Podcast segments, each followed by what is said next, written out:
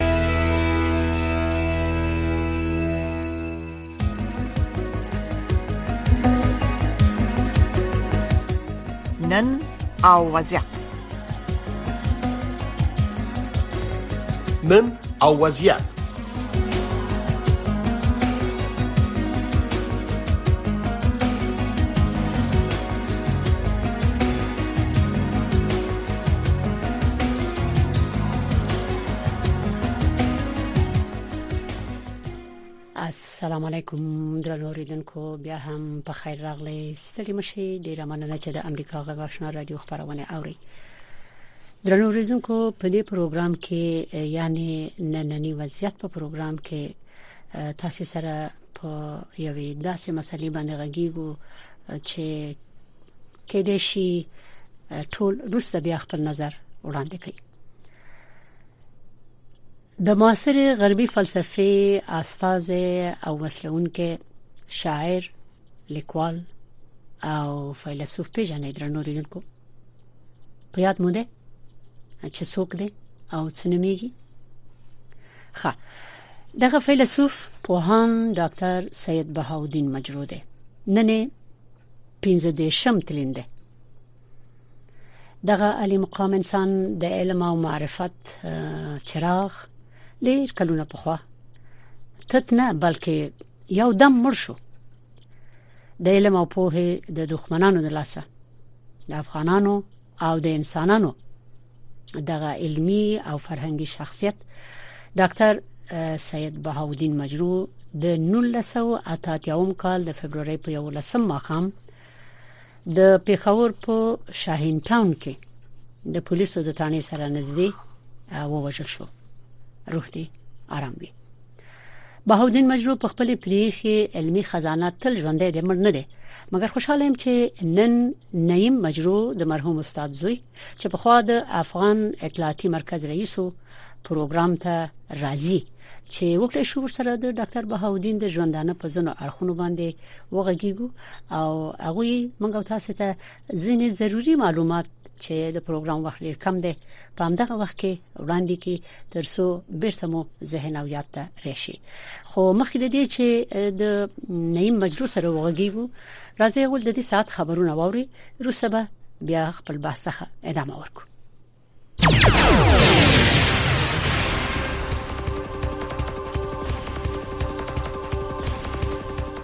ویان سید سلیمان شاه د ازبکستان چارواکو د جمعې په ورځ د مزار شریف د حیرتان بندر ته د اورګاړو تګ راتګ بیرته پیل کو او له لس ورځو ځنډ وروسته د لومړي ځل لپاره تجارتي مالونه ورسېدل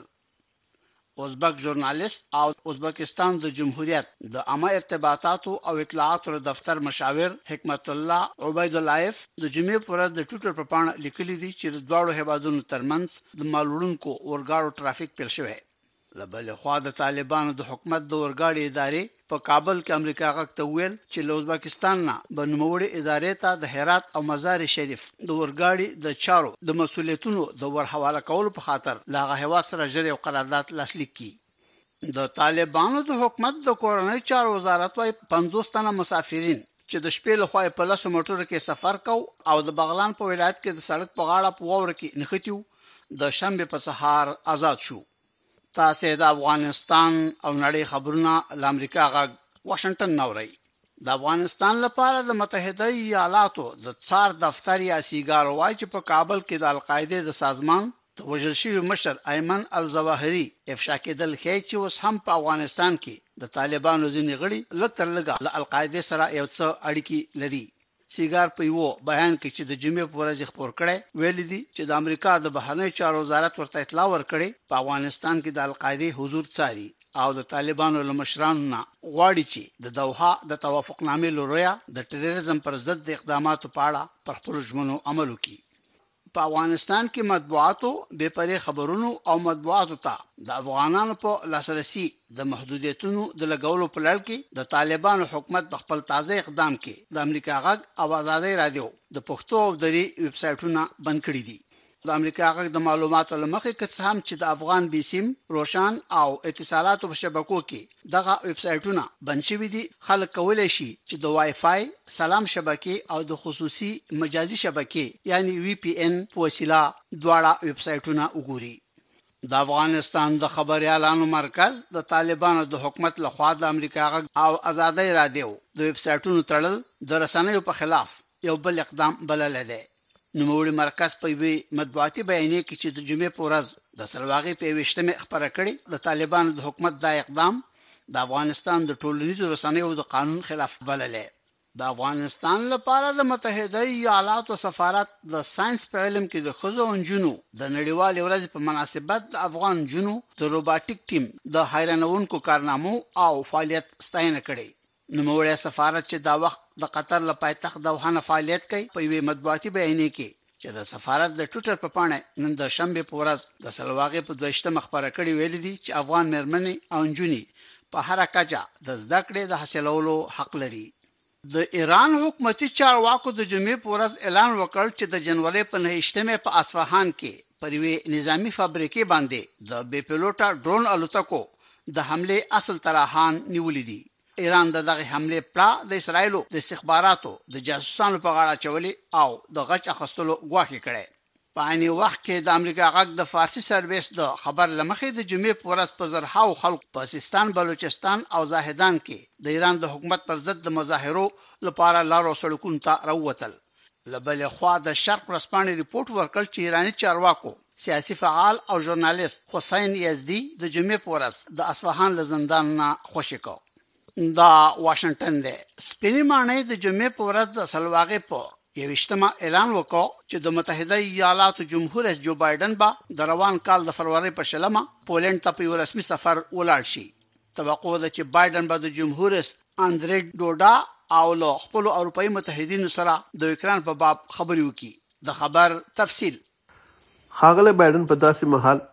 پولنډ ته ځي چې په ګاونډي هېواد اوکراین د روسیې د یرغل د پیل کېدو نږدې یو کال پوره کېږي. سپینه ماڼۍ داسې مهال پولنډ ته جمهور رئیس بایډن د سفر تایید کوي چې د اوکراین په څو ښارونو باندې د روسیې له خوا بمبار شوی او توغندي هم وشتل شوی په کیف کې د امریکا غږ یوې خبريالې ویلي چې توغندي د خلکو د اوسیدنې په ځایونو او په مهمو زیربناو لګیدلی او په دې نورو ځایونو هم برق بند شوی دی د اوکراین جمهور رئیس ولادیمیر زلنسکي د روسیې تازه پراخې بمبارۍ د ناټو ټولیز امنیت ته خطر بللی دی زلنسکي ویلي دی چې تر ټولو ستونزمن وضعیت په خارکیف، خیرسون او ژاپورژیا کې دی او له دې حالته خلک زیانمن شوي هم دي. د اوکراین هوایي ځواکونو ویلي چې وروسي یوویشت توغندي ویشتلي او دوی شنډ کړي دي. مطیع الله عابد، امریکا غږ اشنا راډیو. متحده ایالاتو په ترکیه او سوریه کې د تباه کوونکې زلزلې له قربانیانو سره د مرستو په لړ کې د پنځه اتیا میلیونو ډالرو مرستې ژمنه کړې. په واشنګټن کې د امریکا غږ د ډیپلوماټیکي چارو خبریاله سنډیسن وایي دا پیسې به د امریکا د نړیوالې پراختیا د ادارې یا یو اس آی ډي لخوا په ساړه ژمي کې د بې کوره شوو خلکو لپاره د سرپناه، خوراکي موادو او روغتیايي پاملرنې ولګول شي. په زلزله کې د وژل شوو کسانو شمېر اوس له څلورو زرو نه اوښتی دی. د یوکرين په باب په پاریس کې د اروپایي اتحاد سرمشریزه غونډه د جمعې پر ورځ پای ته ورسېده د متحده ایالاتو جمهور رئیس جو بایډن د جمعې په ماښام په سپینه ماڼۍ کې د برازیل د جمهور رئیس لویز انیاشیو لولا ډیسلوا هرکلی وکړ او د اې پي خبري اژانس د جمعې په ورځ د قرغیزستان له پایتخت بشکیک نه رپورټ ورکړ چې یوې محکمې د پخواني شوروي اتحاد د دغه جمهوریت د کلتور او فرهنګ د وزارت په خواست د ازادې اروپا او ازادۍ رادیو د سیمه ییزې څانګې رادیو ازاتیک د تړلو لپاره د تړلو لپاره د غور په د غور په منظور د مارچ په لسمه نیټه وټاکله. د خبرونو پای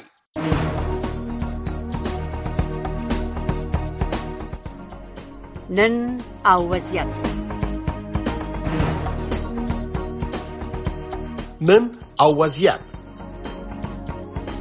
د نړۍ سیمې او افغانستان پر روانو چارو او د نن په وضعیت خبرونه رپورټونه مرکه او تحلیلونه هر شپه په 9 بجې د امریکا غږ آشنا رادیو نه واوري د آشنا رادیو درنو اوریدونکو د نن وضعیت د پروګرام قدرمن اوریدونکو خبرونه واوریدل بیرته راځو خپل دې مسلې ته چې نن د معاصرې غربي فلسفې د استاذي شاعر لیکوال او فیلسوف 15 دیشم تلین دی مقصد می دغه فیلسوف پوهان ډاکټر سید بهاءالدین مجروح دی نن یې تلین دی او دغه علي مقام انسان د علم او معرفت چراغ ډیر کلونه په خوا یو دم مړ شو ځکه چې په پیښور کې شاین ټاون کې د پولیسو تانی سره نږدې الته وژل شو منګ نن په دې باندې غږیږو چې داسې عالمان فیلسوفان او داسې کسان چې انسانيت بشریت او خپل ټولنې ته خدمتونه کوي هغه هیڅ کله نه مري او نه دی مړه مګر د یاد تازه کول مهم دي لنی کمرغه نن ما سره په دې پروګرام کې نعیم مجرو د محترم استاد زوی دی چې خپل نعیم مجرو په خوا د افغان اطلاعاتي مرکز رئیس و په پیښور کې پروګرام ترغله دی نو د سره غواړم یو څو خبرې وکم د بهاودین استاد په یاد ځکه د دومره غټه علمي خزانه پریخي ده چې باغې خو څو پروګرامو کې څه چې کتابو کې خبرې وکړي نه کیږي نه ختميږي خو درنو ریدونکو صرف موږ د دې استاد یاد کو او غواړو کته څه خبر نه لګ به خبر شي او کوم د یاد وتیلی وي بیرته به مو یاد تازه شي چې استاد بهاودین مجرو څوک او څه کړی دي او څه پریخي دي افغانانو ته مجرو صاحب ستړي مشه په خیر راغلی خبرونه سلام علیکم زیبا خورې تاسو ته تاسو همکاران ته او ټول اوریدونکو ته خپل سلامونه او نیکی هیلې رسوم وعلیکم سلام شکر چې استاد تاسو غوندې زوی لري چې هغه د نن موږ سره کولای شي د استاد په ژوند باندې لګرانه واچوي او وغږیږي او نمائندګي وکړي داغه البته چې څه مو تنه اوریدلې دي څه څه تنه زده کړې دي او څه تاسو ته پریخي دي البته ډېر کتابونه لیکلي دي خو تاسو دی یو ځوی په صفات د سي خاطرې او د خبرې لري چې زیاتره به په نوي خبره او چاته مو یسرم نو خو د دې لمخ کې زه راځم د ته چې داسې خبرونه خوراغلل چې نور لسه واته هم کالو په خبر کې شاین ټاون کې د پولیسو مرکز سره پیډه زوي شوې او ووجل شو واضح خبره ده چې دغه سي قصدي او عمدي مرګونه خو اسې ساده خبره نه ده دی یو یو مقصد یو مرام د پاره کې یو دښمنان دا کار کوي آیا تر اوسه پورې د سه پوي شوي معلومه شو چې د کې د چالاسو ولی ووجل شو هدف سو واضح ده د باندې کافي معلومات نشر شوي دي او زه هم تاسو ته ورنا په واچوم خو زه به مختصر تاسو ته لګه او بل مختصر مامو لیکنه چې وخت د پروګرام ډیر کم دی بیخي کم دی ښه مهرباني نو پوهاند صاحب بجرو په نولس سوه اتیا اووم کال کې کله چې روسان افغانستان باندې یرغل وکړ د فبروري په دولسمه نېټه پاکستان ته مهاجرت وکړ. صحیح او. د هغه ځای نه د افغان اطلاعاتي مرکز فعالیت په لار واچوو. او ها. دا داسې وخت و چې د تنظیمي رسنیو خپل اعتبار په میډیا کې د لاسه ورکړی و. دې لپاره چې د جهاد سنګر د فتوحاتو ادعا به ټولو تنظیمونو په یوه وخت کوله او هر یو به کوشش کول چې لومړی خپل راپور نشر کړي او په دې وسیله د میزبان ملک نه وسلې او پیسې ترلاسه کړي. هو دا خبرې چې وې دا اعتبار ځکه ورکړی و دا تکرار خبرې روانې وې او اصل خبر به واقعیت به نه معلومېده افغان رازي مرکز هغه وخت کې خپل راپورتران لرل په داخل د افغانستان کې او د جنگ د دوه اړخونو نه معلومات ورکول نو دا خبرې و به د شهید مجروح صاحب سره دا چک کېدلی او هغه سره به دا معلومېدلی چې اصل واقعیت څه دی په دې چې اول لاس معلومات افغان رابطي مرکز په دغه وخت کې راټولول خو دا دا مسله باعث دي شول چې دا دا د تنظیمونو اعتبار د پتلا د میډیا اعتبار د رسنۍ اعتبار د منځ لاړ شي او ټول فوکس په افغان اطلاعاتي مرکز باندې صحیح دا په خپل ذات کې د د د میزبان ملک ته او داغو استخباراتي ادارو ته او داغو په لاس جوړ شوی تنظیمونه او ګډاګیانو ته دا یو لوی چیلنج و چې څنګه یو یو یو شخص کولای شي چې په اصطلاح و تنظیمونه چیلنج کړي او د دوئ ټول هغه په اصطلاح خبرې چې دي هغه هغه هغه د رسنۍ اعتبار د منځه لاړ شي نو په دې اساس باندې دی کوشش دا و چې مجبور صاحب خاموش کی او دې ته اړ کی چې مجبور کی چې د افغانستان نه وځي او دته منظم ډول باندې تهدیدونه هم راتلل، تلیفونونه مو ته کېدل او خطونه هم ورتلل، مګر تر څو بالاخره ووژل شو. ښه، موږ مخکې ویلې چې دغسې شخصیتونه نه مري، ځکه هغوی داسې اقدامات په خپل ژوند کې کړي وي، داسې کارونه او خدمتونه یې کړي وي چې هغه که یو څه وخت لپاره پټ پاتې شي، اخر واقعیتونه معلومېږي. نو مجروح صاحب نه دی مړ، مجروح صاحب ژوندی دی. او زه خوشاله یم چې تاسو موږ ته لګ اوس د د هغه علمي خزانه نه په یو دوه کتابونو باندې لګ رڼا واچوي مثلا دا ځانځاني خامار ډیر مهم دی کنه زه هاي خودي ده د کې مطلب څه شه ده په دغه غون کتاب کې دا د ځانځاني خپله دا د د انسان چې ځان ته زه وایي او ځان ته د خپل هغه دغه په اصطلاح ایګو او د د د د نننه د دننه خاماري د دې په مقابل کې مبارزه ده او دا د د په یو د مصور او داستاني شکل باندې داسې راوړی دی چې دا یو سفر دی چې انسان خپل تل ته خپل وجود ته دننه کوي. دا خو فیلسوف و شهید مجروح او دا صحیح خبره ده چې د خپل نفس سره مبارزه چې څوک په کامیاب شي نو هغه به ډیرو لوړو مقامونو ته ورسیږي همدا چې تاسو مخکې دغه خبرې وکړي چې الته په کم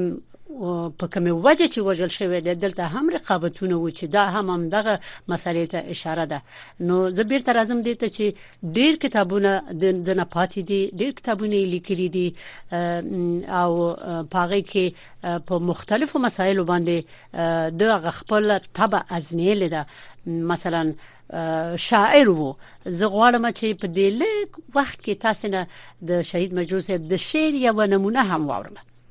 زه نه بلکې اوریدونکو واورین دا اوس که در سره وي تاسو د دغه موتم مخکې پروګرام سره نو جوړ کړی زه ماشیر البته تاسو ته لګلې وو په ممنون مقصودی په اواز کې به تاسو ویل چې دا خزه خیر ده فرق نه کوي که تاسو سره شعر نیوي دغه د اشعارونه اس دا په پریدو ریب شو دیتا چې د د ټول کتابونه چې پاتې دي چاپ او ناچاپ څومره دي ټول چاپ شوی دي کنه دي چاپ کتابونه کتابونه ټول چاپ شوی دي ځانځاني خامار په درې ژبو کې دي چې هغه په پښتو ژبه په دری ژبه او په فرانسوي ژبه ده دا درې واړه پوهان صاحب په خپل لاس لیکلی دی او دا د سنه دی چې یو د بل ترجمه وسی یعنی دا هر یو په مستقل ډول لیکل شوی دی د پښتو ژبه دغه چې د ځانځانې خامار برخه چې دا د پښتو په ادبیاتو کې یو نوښت دی او اول ځل د پاره دا د ادبیاتو د پښتو ادبیاتو ته داخل شوی دا د یو شعر دی چې نوی شعر هم ورته نشو ویلی دا ځان ته یو سبک لري ځان ته یو مکتب دی غیر له دې کم کتاب دی د استاد چې ډیر مشهور دی غیر له ځان ځاني خبر څومره دي ټول ټول لیکني ځان ځاني خامار دي د دې په څنګ کې البته د اشعار برخه هم د ناشنا سندرو په نامه باندې چې یو کتاب د منګه چاپ دوه ځله درې ځله چاپ شوی دی بله د په نامه باندې د مجاهدین ته په خطاب کې چې څنګه شوروي په خوانه شوروي اتحاد او دغه سیستم د کمونیستي نظام دای معرفي کړی دی او د اهداف څرګند کړی دی د مجاهدین ته یو کتاب دی دغه سي ډېر مقالې دي تاسو ته معلومه ده چې مجلس د د ډېرو مسوولینو په څنګ کې په ټولو نړیوالو کنفرانسونو او او او سیمینارونو کې ګډون کوو او علمي او تحلیلي او پیشنهادونه د افغانستان د د مسلې د حل لپاره وړاندې کول دغه مقالې چې دي د خپل ځان ته د کتاب نه زیات دي دا موږ هم چاپ کړی دي هم نشر شوی دي دې کې نو البته نور د مقالې دي چې په په سید جمال الدین افغان په سیمینار کې یو ټولګه معرفي شوې ده خپل د کابل کې په دغه کې ګډون کړی وو او په څنګ کې د د نورو د افغانستان د نورو علماو په په سیمینارونو کې مقالې شته دا چې د یو بل دغه چې د لیکنه چې د ډیره مهمه لیکنې دي چې موږ راټول کړي سره بله او د لال پاشا ازمون د کابل د پونتون هغه راغونډې کړې او نشر ته وسپارلې او موږ مخکې دغه نه البته په ځانګړې توګه جدا جدا نشر کړې وي دغه مقاله د ژبې په ارتباط د ارتباط باندې یو ډېر خص پرختنه د افغانستان لیکوال ته ده او مخصوصا هغه خلک چې تاکید په دې باندې ډېر کوي چې پښتو ژبه د سوچ شي او پاک شي د دې کار مخالف وو درست کول او پاکول د ژبې محدودول دي او د افهام او تفهیم امکانات کمول دي او د ژبې ودې مخنیوی دی د تاسو ډیره ښه خبره وکړه مجروح صاحب محترم دغه اوس چې د پښتو او دری د ژبې په ارتباط ویل کیږي چې لګزره هغه به اصولي په دې ژبه کې راغلي دا هر څوک هر څو وایي ورسې لیکي نو ښه خبره ده چې دغه کسانو آثار ولسل شي او تنه بیرته زده کړو شي دا د د دې نننۍ زمانه د ځوانانو د دې خلکو ګناه هرگز نه ده د دې ګډوډیو ګناه ده د دغه سلويختو کلونو د بربادیو ګناه ده چې د ځوانانو افکار او هر څه خراب کړل او ژبه باندې هم تاثیر وکړو زه بیرته راځم دې ته چې استاد په خپل په دې تعلیم په برخه کې البته تعلیم په عالی سویه باندې سطح باندې کړی کوم کوم ځکه تعلیم کړی دی خارج ته تللی او کوم ملکونو کې او چی شي کې دومره خو پویګو چې فلسفه او دی هغه کې ډیر تعلیم کړی دی د استقلال د لیسه نه فارغ شو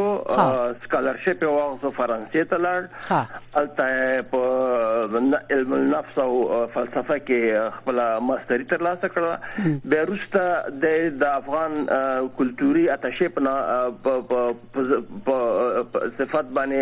اروپا ته لاړ او الته د افغانستان د حکومت د خوان الته ولېګل شو دغه وخت کې د خپل ډاکټرا باندې کار شروع کو او د د سوربون د یونیورسيټي نه په فلسفه کې خپل ډاکټرا واخیستله او د دې خپل ډاکټرا تیزس چې د هغه اوس د هغه لیکچرونه ورکړل کیږي په فرانسه کې په پوانتونو کې یعنې دی د ځان ته یو یو یو یو یو لار لرله دا پوهان د اروپا د فلسفي بله مقالې نشر شوې دي او پیروان لري ده د د افغانستان کلتوري او د د د علماو د افغانستان لکه لکه پخواني لکه ابو ریحان بي البیروني لکه مثلا دا دا دا نور فیلسوفان چې په افغانستان کې موجودو او علما موجودو او صوفیان چې موجود دای سره یو ځای کړي او د دنه یو یو سب جوړ کړی دی ښه دا قابل دی یو یو دغه دی د تعامل دی او دا په وخت کې غربي فلسفه ته چیلنج دی او مخصوصا دا په اسلام په چوکاټ کې دی او اسلام دین خو د ماده پرستی او د هغه شیانو چې غربیان متقد دي داغه مخالفت کوي او د تصوف په لار کې دا بیا مخکې زی دا خپل فلسفه داسې وړاندې کوي ډیر ښه تاسو ته خو د پلار په صفت غیر لدی چې عالم او د یو لوی شخصیت وو د پلار په صفت تاسو ته نصیحت څه کړی دی چې پلار چې خپل اولاد ته نصیحت کوي چې څه وکړي بله لومړی نصیحت خو دا و چې په خپل ځان باید سړی متکی وسی او په خپل په خو ولاړ وسی او هیڅ وخت چاته لاس وړاندې نه کی همیشه باید په خپل خبرو کې ځای وسی او د وطن ته د فداکاری اول اصطلاح حکم ماته د وکړو نولس سوه نهه اویا کال کې کله چې کمونیستي نظام په افغانستان کې په کابل کې مخصوصا ځای په ځای شو نو ده موږ ته وویل چې اوس تاسو لپاره دا وخت دا دی چې باید تاسو لاړ شئ جهاد ته دا داسې وخت چې په کونړ کې زموږ نیمه کورنۍ په کونړ کې هغه وخت کې او هلته جهاد شروع شوی نو زه او زما د تر زوی ولید مجروح هغه به تاسو نوم اورېدلی پېژنئ به او هغه یو ځای سره د کابل نه وخوځیدو لاړو پیښور ته او د هغه ځای نه د باجوړ د لارې نه مونږ کونړ ته واوختلو د اسمان مرحوم روف خان صافی په مشرۍ باندې قیام کړی وو او دا زمونږ قلا ته راغلی وو د هغه ځای نه مونږ نولس سوه نهه اویاوم کال د د د د اوړي په شروع کې مونږ هغه وخت نه جهاد شروع کړو یعنې دا د د د جهاد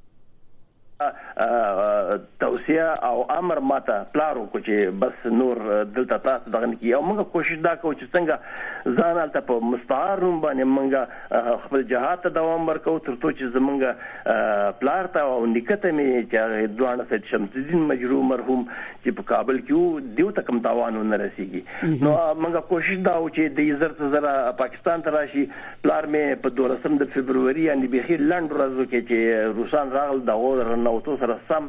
دی پاکستان ته راغی او نیکه مې تقریبا یو پنځه شپږ میاشتې وروسته بیا نیکه مې هماغه نولس سوه اتیاوم کال په نمایي کې دغه ته پاکستان ته راغی او دا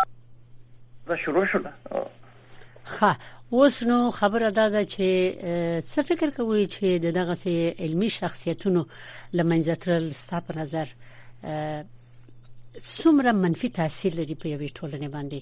او د ساتنې لپاره د ځوانانو او د نورو وظیفه څه ده اول منفي تاثیر خو دا و چې دغه تهدیدونو زمونږ ټول پوهان او استادان او هغه خلک چې واقعا د زمونږ ټولنه په صحیح توګه باندې رهبری کولای شول او د جهاد رهبری واقعي رهبری د دغه غلامانو او دغه جیرانو چې پاکستان پاکستان موږ ته او ایران موږ ته جوړ کړي او تعین کړي وو دا غو د لاس اخیستل شو دغه تهدید کړل دا پرې نه خدل چې په مهاجرت په میدان کې پاتې شي او یا جهاد سره همکاري وکړي دوی مجبور کړل دي ته چې دی اروپا ته او امریکا ته او نور ملکونو ته پناهندګي واخلي ولر شي اخواته او ما پلار دا غو چې هغه دا خبره کوله چې زه یوازې د خدای نه یریږم او دغه وطن چې په ما باندې مصرف کړی دی او د ده وطن په مصرف باندې ما تعلیم کړی دی اوس چې دی ماته ضرورت لري زه دا نشم کولی چې دا دا وخت دی وخت کې د یوازې پرېدم نو کوم خطر چې زما ولس سره مخامخ دی په دې چې هر څه راځي په ما دې هم راشي دغه په اصطلاح عزم وو چې د د باوجود تمام تهدیدونو د تمام فشارونو چې بده باندې موجود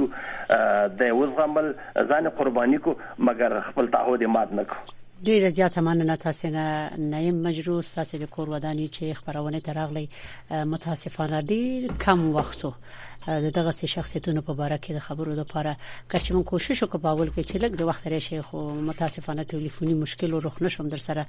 آینده خبرونه کې بیا هم د استاد په آثارو باندې وغږی او تاسو سره او نور عالمانو سره د غوي نظریات په راوخلوس نستی تاسو په مخخه ډیره مننه چې خبرونه راغله د امریکا غږ آشنا رادیو درنو ریدونکو نن د معاصر غربي فلسفې د استاذي شاعر لیکوال او فیلسوف بهاودین مجرو 15 دیشم تلین دی موږ په دې مناسبت هغه د زوی نیم مجرو سره وغږیدو یو څو لاندې خبرې مو وکړې ځکه چې وخت کم وو نو تاسو نه مننه چې خبرونه اوري او خپل نظریات څرګندوي لیلما جان ابي بزيمي بل پروګرام کې دغه د اوس تاسو ته موضوع هم اعلان کی او وابوري چې په کومه مسلې غږیږي اتمن بیا کومه ادبي برخه د زکه ډیر علاقه مندي لرم او د دې د خسته خسته پروګرامونه همیشه اورم